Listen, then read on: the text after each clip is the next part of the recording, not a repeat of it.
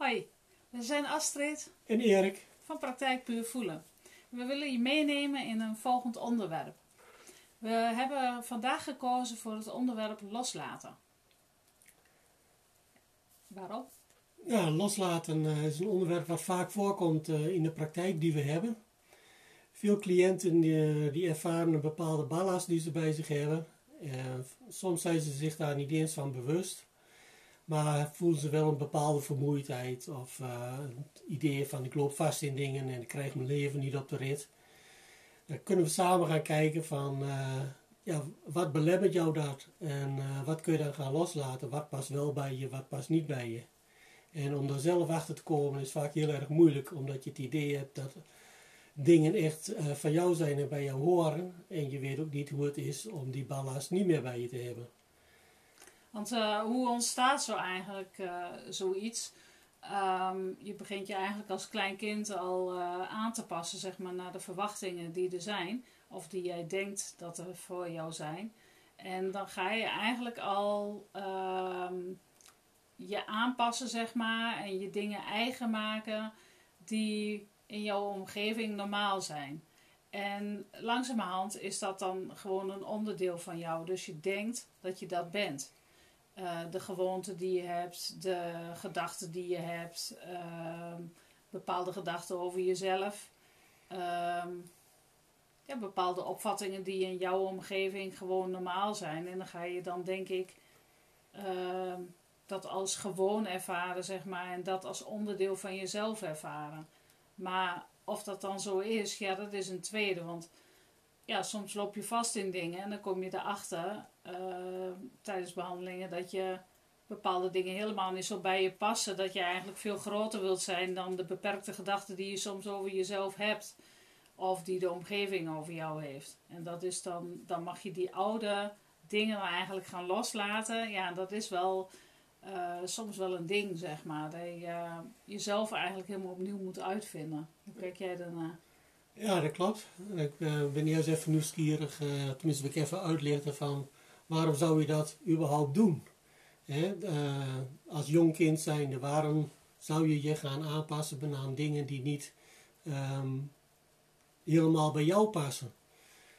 En wat ik dan vaak zie is dat je dat doet omdat je je fijn wilt voelen binnen de plek waar je opgroeit, binnen je gezin. En dat je ook de veiligheid wilt ervaren. En als jij het idee hebt dat je anders bent dan de rest, dan ga je je ehm, anders gedragen en aanpassen. Maar dat is misschien niet vanuit wie je werkelijk bent. Ehm, als ik dan naar een stukje extreem eh, daarin kijk.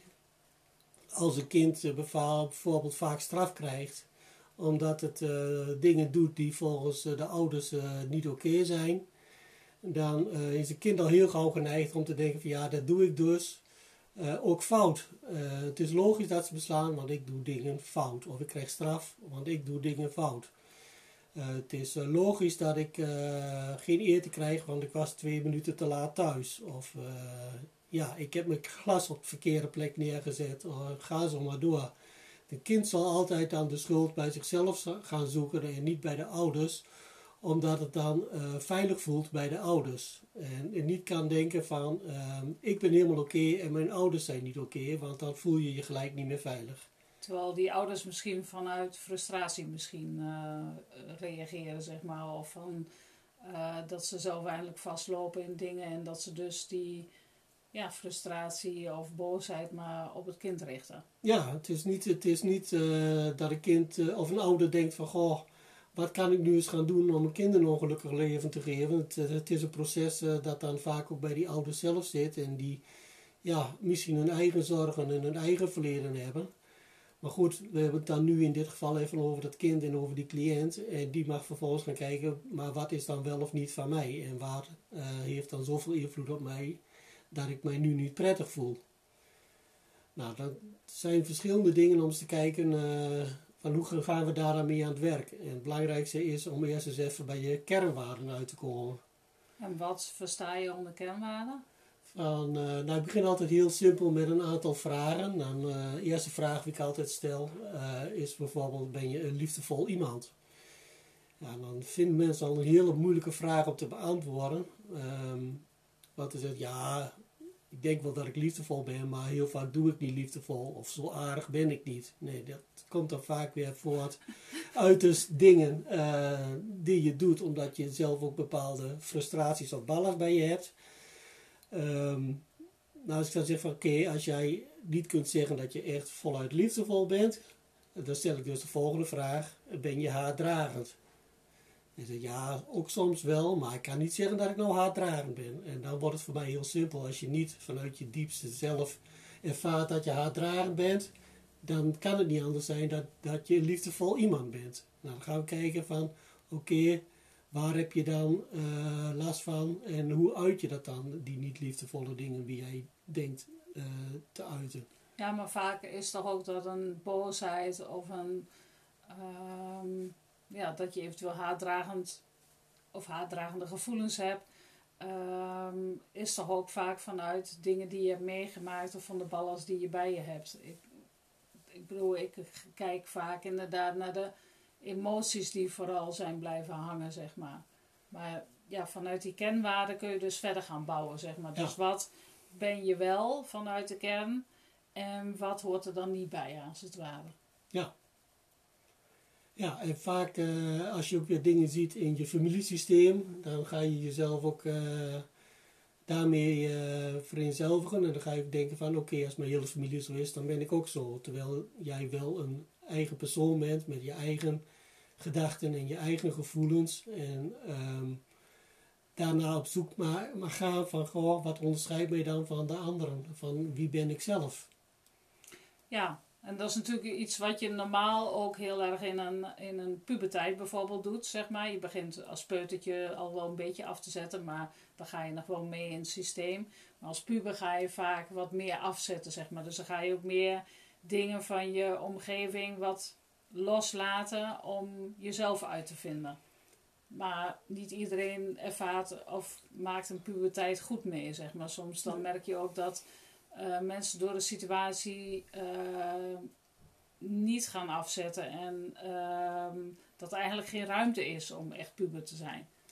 Ja, dat, uh, dat kan. En ehm, die puberteit en het afzetten daarin, wat heel gezond is, uh, moet dan ook wel een bepaald doel hebben wat haalbaar is. Want als jij zegt van ik ga me overal tegen afzetten en ik wil de gedachten gaan losmaken die niet bij me passen. En je hebt het idee dat je daarna niet uh, je veilig kunt voelen of dat je in een gat valt en niet meer weet wie tegenkomt, dan ga je dat dus ook niet doen. Je moet wel zelf ook je doel verordenen van goh, ik ga me losmaken, want ik wil dichter bij mezelf uitkomen. Als je niet weet wie je zelf dan ondertussen bent, dan wordt dat stuk alweer een heel stuk lastiger. En daarom zeg ik ook altijd van, ja, als je dingen wilt gaan loslaten, moet je ook gaan weten van tevoren van waar wil ik me dan weer aan gaan vasthouden. En waar je je aan vast wilt gaan houden, dat moet uh, komen vanuit je diepste zijn van wie ik ben. En daarop moet je vertrouwen zitten. Van ik ben goed zoals ik ben. Oké, maar ik kom dan vaak mensen tegen, zeg maar, uh, ik behandel vaak vanuit een bepaalde uh, lichamelijke klacht. Um, en dan is het eigenlijk het doel om je gewoon beter te voelen, zeg maar. En niet zozeer uh, naar die kern toe. Ik bedoel, je kunt op verschillende manieren dingen loslaten. Je kunt ook gewoon puur een klacht los willen laten. En of de pijn die je daarbij voelt. Op zo'n manier kom ik ook op een diepere laag. Ik bedoel, dan uh, ga ik vaak kijken van... hey, uh, waar komt deze pijn vandaan? wat, op welke plek zit hij? ondersteun dat vaak met energie, zeg maar. En dan kom je vaak op een diepere laag van een, iets wat je hebt meegemaakt, zeg maar, in je leven. Of wat de cliënt heeft meegemaakt in het leven. Um, um, dat raakt in ieder geval iets op een bepaalde leeftijd. Um, als je daar naartoe gaat, dan merk je dat er bepaalde uh, dingen zijn gebeurd, wat ze zelf ook vaak al dieper hebben weggestopt. Maar waar bepaalde emoties op vastzitten, zeg maar. Dus je hebt um, een gebeurtenis is er geweest of een rits van, een van gebeurtenissen, zeg maar, uh, ervaringen die je in je jeugd hebt opgedaan, maar wat een behoorlijke impact op je heeft gehad. En aan de hand van die emoties is dat dan in je lijf opgeslagen. Jouw lichaamsgeheugen, zeg maar, slaat dat op. Daar kom je zelf soms met het gewone geheugen niet eens zo heel makkelijk bij. Maar toch is dat er geweest. En als je kijkt naar van, hey, wat heeft het dan met je gedaan? En kijkt naar welke emoties daar hebben gespeeld. Dan mag je dus die oude gebeurtenis, in ieder geval die emoties gaan loslaten. Dus ehm, ik zeg altijd van, uh, kijk, aan die gebeurtenis kun je niks meer veranderen. Die is er geweest, die heeft impact op jou gehad.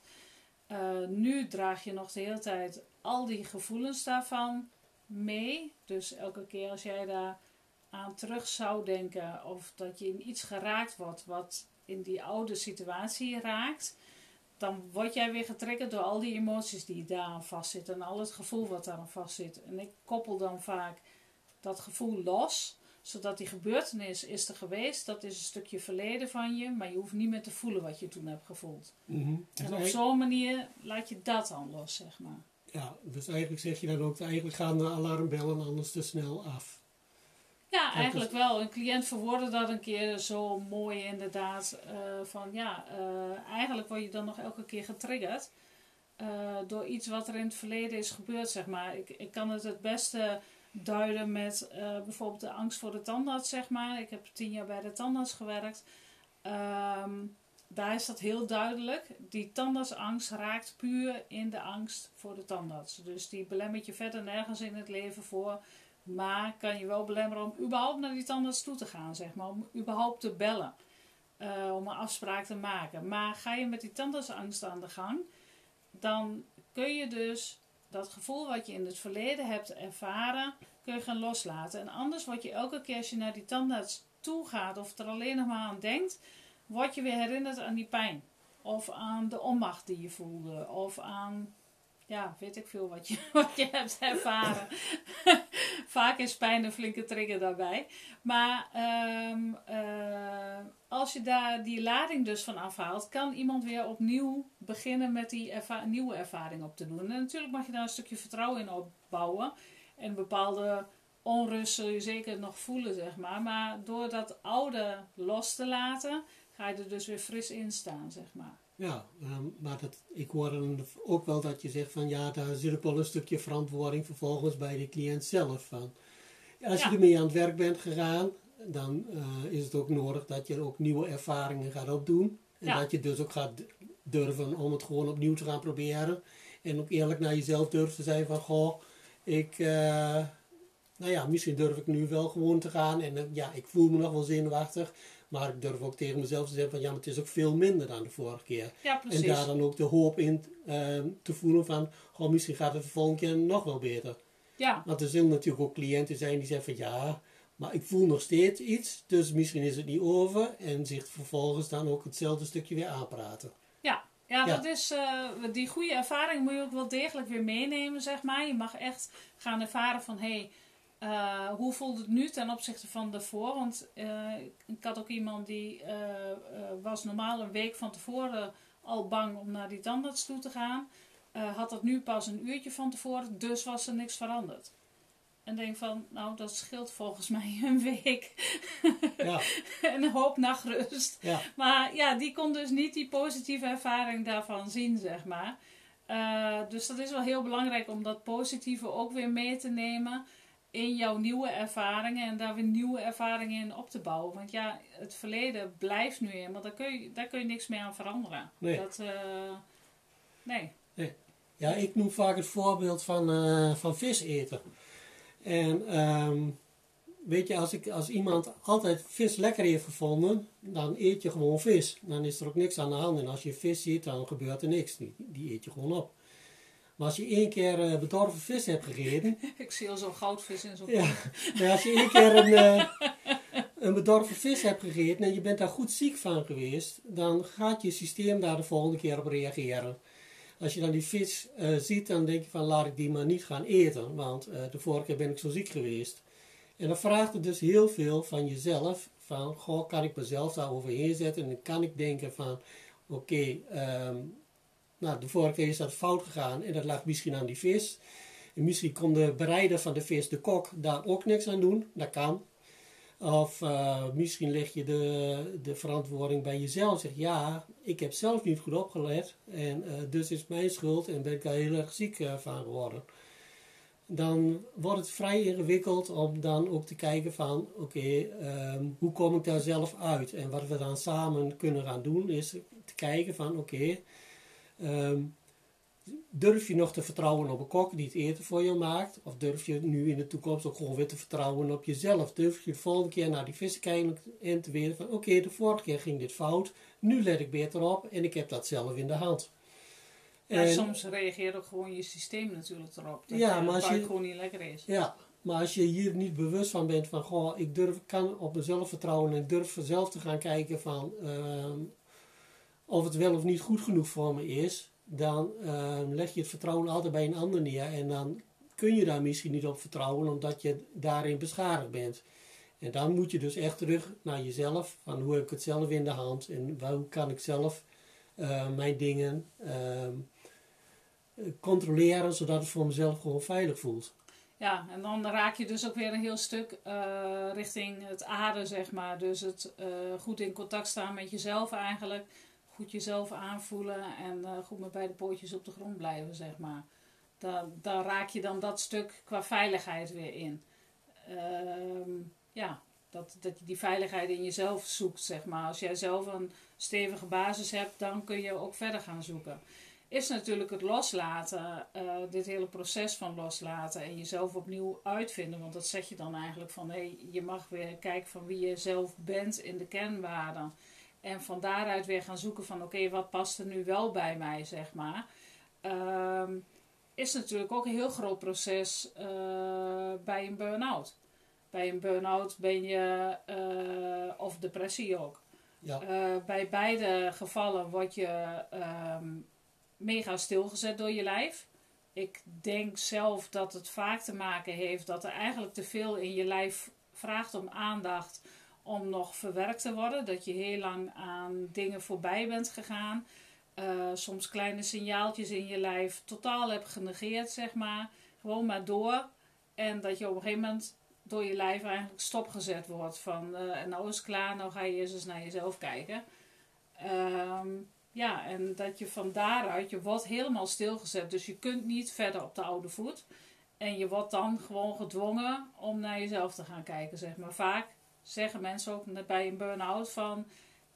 Ja, eigenlijk is dat het beste wat me is overkomen, want nu doe ik hele andere dingen. En dat past eigenlijk veel beter bij mezelf. Ja, dat klopt. Alleen als ik uh, kijk naar een burn-out dan, en kijk hoe dat nu in de maatschappij uh, benaderd wordt, dan, en, uh, dan is het van ja, maar ik ben ook te druk. Ik moet rustiger aan gaan doen. Ik, ik ga misschien te vaak naar, uh, ik heb en mijn werk en mijn sport en de kinderen en dat. En dus daar moet ik um, uh, rust in gaan zoeken, minder gaan doen.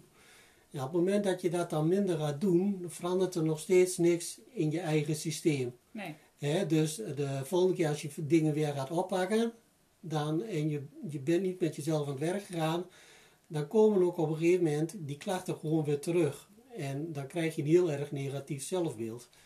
Want je denkt, ja, ik ben al eenmaal zwak, ik kan dat allemaal niet en ik zou het allemaal kunnen, moeten kunnen.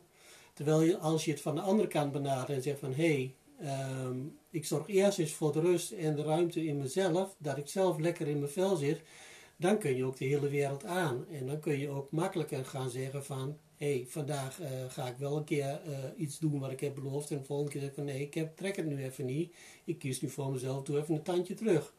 En ja, dat is dan ook daarbij, een keer. Ja. En daarbij heeft ook die, die mate van inspanning, dus uh, hoe druk je bent. Uh, natuurlijk is ontspanning heel goed, maar dat kun je op verschillende manieren doen. Uh, maar iemand kan in een burn-out raken met 20 uur werk bijvoorbeeld, maar wat totaal niet bij degene past of waar je je voldoening niet uithaalt. En iemand kan bijvoorbeeld 60 uur werken daar prima de voldoening uithalen en gewoon door kunnen gaan en de energie bij je overhouden, zeg maar. Dus ja, dat is ook altijd zo um, bepalend voor hoe je je voelt, zeg maar. En als jij uh, een tijdje flink door moet, dan gaat dat wel. Maar als je continu heel, uh, heel hard aan het werk blijft of geen ontspanning zoekt, en dan zit het vooral inderdaad ook in die ontspanning. ehm, ja, dan kom je steeds verder, steeds elke keer weer een stapje verder van jezelf af te staan. En dan wordt het natuurlijk steeds lastiger. Ja, ik wil even een voorbeeld nog noemen van een uh, cliënt die ik wel eens ben tegengekomen. En ze gaf aan van, ja, weet je, ik zit helemaal niet lekker in mijn vel. En ik zeg, wat is dan het eerste wat je graag zou willen veranderen, wat je anders zou willen gaan doen? Ja, ze zegt, ik heb een heel praktisch voorbeeld. Ze zegt, ik moet nu elke zaterdag de ramen wassen. Ik zeg, oké, waarom moet je dan de ramen wassen? Ja, zegt dit heb ik meegekregen vanuit mijn opvoeding. En um, dat voel ik nog steeds, die druk. Ik moet elke zaterdag de ramen wassen. Ik zeg, nou weet je, dan gaan we mee aan het werk. Um, um, en dan gaan we, mag je nu, als ik daar wegga, mag je een aantal weken niet meer de ramen wassen. Dan kom ik over een aantal weken, uh, gaan we elkaar weer zien en dan gaan we het er weer over hebben. Dus ik kom een aantal weken later kom ik weer bij haar. En ik zeg, uh, en hoe gaat het nu? Ja, zegt ze, ik ben wel weer aan het ramen wassen. Ik zeg, en hoe is dat zo gekomen? Ja, zegt ze, in de tijd dat ik het uh, niet meer deed, kwam ik erachter dat ik het eigenlijk zelf ook heel erg prettig vond om gewoon de ramen elke zaterdag schoon te hebben. En daarmee heeft ze het last kunnen laten, de druk van vroeger uit. En kwam ze achter van, maar dit is wat ik zelf ook heel erg leuk vind. En wat ik zelf ook graag doe. Dus nu was ze iedere zaterdag met heel veel plezier haar ramen. Ja, maar zo, zo heb je um, uh, sowieso het, het, het loslaten, zeg maar, is ook wel weer een verhaal apart. Aan de ene kant kunnen wij daar heel erg mee helpen om die onderlaag, zeg maar, die eronder zit, uh, los te kunnen laten. Maar inderdaad, daarna mogen ze weer nieuwe ervaringen gaan opdoen om te ervaren van hoe ze zelf dingen vinden en hoe het nou voor hun voelt, zeg maar. Dat, dat zei je net ook al. Um, daarbij merken we ook nog wel eens dat um, de heel erge frustratie of boosheid in iemands lijf helemaal zit. Zeg maar. Dat, um, die pijntjes of dingen, dat daar echt nog een flinke frustratie onder zit. En ja, dat kun je. Uh, wij proberen dat nog wel eens los te maken, zeg maar. Maar het durven uiten is vaak heel lastig in de praktijk. Dus vandaar dat wij dus ook met helingsdagen zijn bezig gegaan. Want ja, wat kun je dan beter, hè? Ja, helingsdagen zijn echt dagen waar we de hele dag met, uh, met iemand aan de slag gaan. Waar mensen hun eigen groepsproces uh, aangaan. En um, dat is zowel een stukje bewustwording als ook uh, echt lijfelijk aan de gang gaan. En, maar ook rust zoeken en de rust in de ruimte om je heen, maar ook de rust in jezelf voornamelijk. Ja, maar ik bedoel ook heel veel dat uiten, zeg maar. We gaan dus ook echt lichamelijk even aan de slag. Ja. En uh, dan merk je dus dat die frustratie, die zit soms zo in het lijf. En dat je die daar, omdat het zo, zoveel ruimte is daar, dat ja. je gewoon een keer een schreeuw kunt geven zonder dat iemand daar ook maar van opkijkt. Dus en dat is vaak wel goed, hè, want het lijf dat slaat zoveel op en die boosheid wil vaak geuit worden. Ja. En vaak zit er weer een andere laag onder, zeg maar, maar boosheid wil er vaak wel echt even uit. En soms zijn er maar kleine dingen waarop je boos bent geworden. En soms ben je misschien als kind al boos geworden. En heb je je moeten aanpassen naar de normen van dat moment. Uh, heel vaak worden kinderen gesust in hun emoties, zeg maar. En hebben ze die niet kunnen uiten. En dan pas je je later als volwassene nog steeds aan. Want ja, uh, boos worden is vaak wel een ding. Dan zitten mensen je echt vaak aan te kijken van wat heeft die nou. Maar boosheid is wel echt een emotie die er wel uit mag. En uh, in boosheid zit ook een bepaalde levenskracht, een levensenergie, zeg maar. Dus ja, dat mag er best af en toe zijn, zeg maar. En dan uh, zeg ik wel eens van, uh, ga wandelen, schop tegen een boom, bij wijze van. Maar dat is vaak lastig om zelf te doen. Dus vandaar dat wij daar in helingsdagen inderdaad in ondersteunen. ja, mocht je verder nieuwsgierig naar ons zijn, dan kun je op onze site kijken, www.praktijkpuurvoelen.nl. En uh, verder kun je op YouTube kun je ons liken of via de uh, opnames, zeg maar, dat je even een likeje erbij zet. Dan uh, worden we ook makkelijker gevonden. En ehm, ja, heb jij nog een afsluitend iets? Ja, zeker. Ik denk, we zitten hier nu al vijf... ja, ruim 20 minuten hebben we het over het onderwerp. En ik denk, ach, in die 20 minuten kun je al een hoop vertellen. Ja, dat klopt ook wel. Maar ik merk dat er nog zoveel meer is wat ik nog uh, zou kunnen willen vertellen over dit hele stuk. Um, ja, weet je, dan kunnen we uren zitten. Um, dus wat ik als afsluiting dan nog meer wil geven is, uh, ja, als je het idee hebt dat je niet voldoende in je kracht kunt staan, dat er dingen zijn die invloed op jou hebben, maar wat niet van jou is. En dat kan echt van alles zijn. Dat kan de sfeer om jou heen, dat kan eh, de onmacht in jezelf, dat kan energieën die je wel of niet voelt. Uh, de emoties die je wel of geen plaats kunt geven. De ene cliënt kan zeggen van ja, ik heb te veel emoties. De volgende cliënt zegt ik heb te weinig emoties. Dat zijn allemaal dingen waarin jij jezelf niet prettig voelt. En uh, wat daar dan de oorzaak van is, daar willen we dan ook heel graag naar kijken. En dat gun ik je gewoon, wat het dan ook maar is.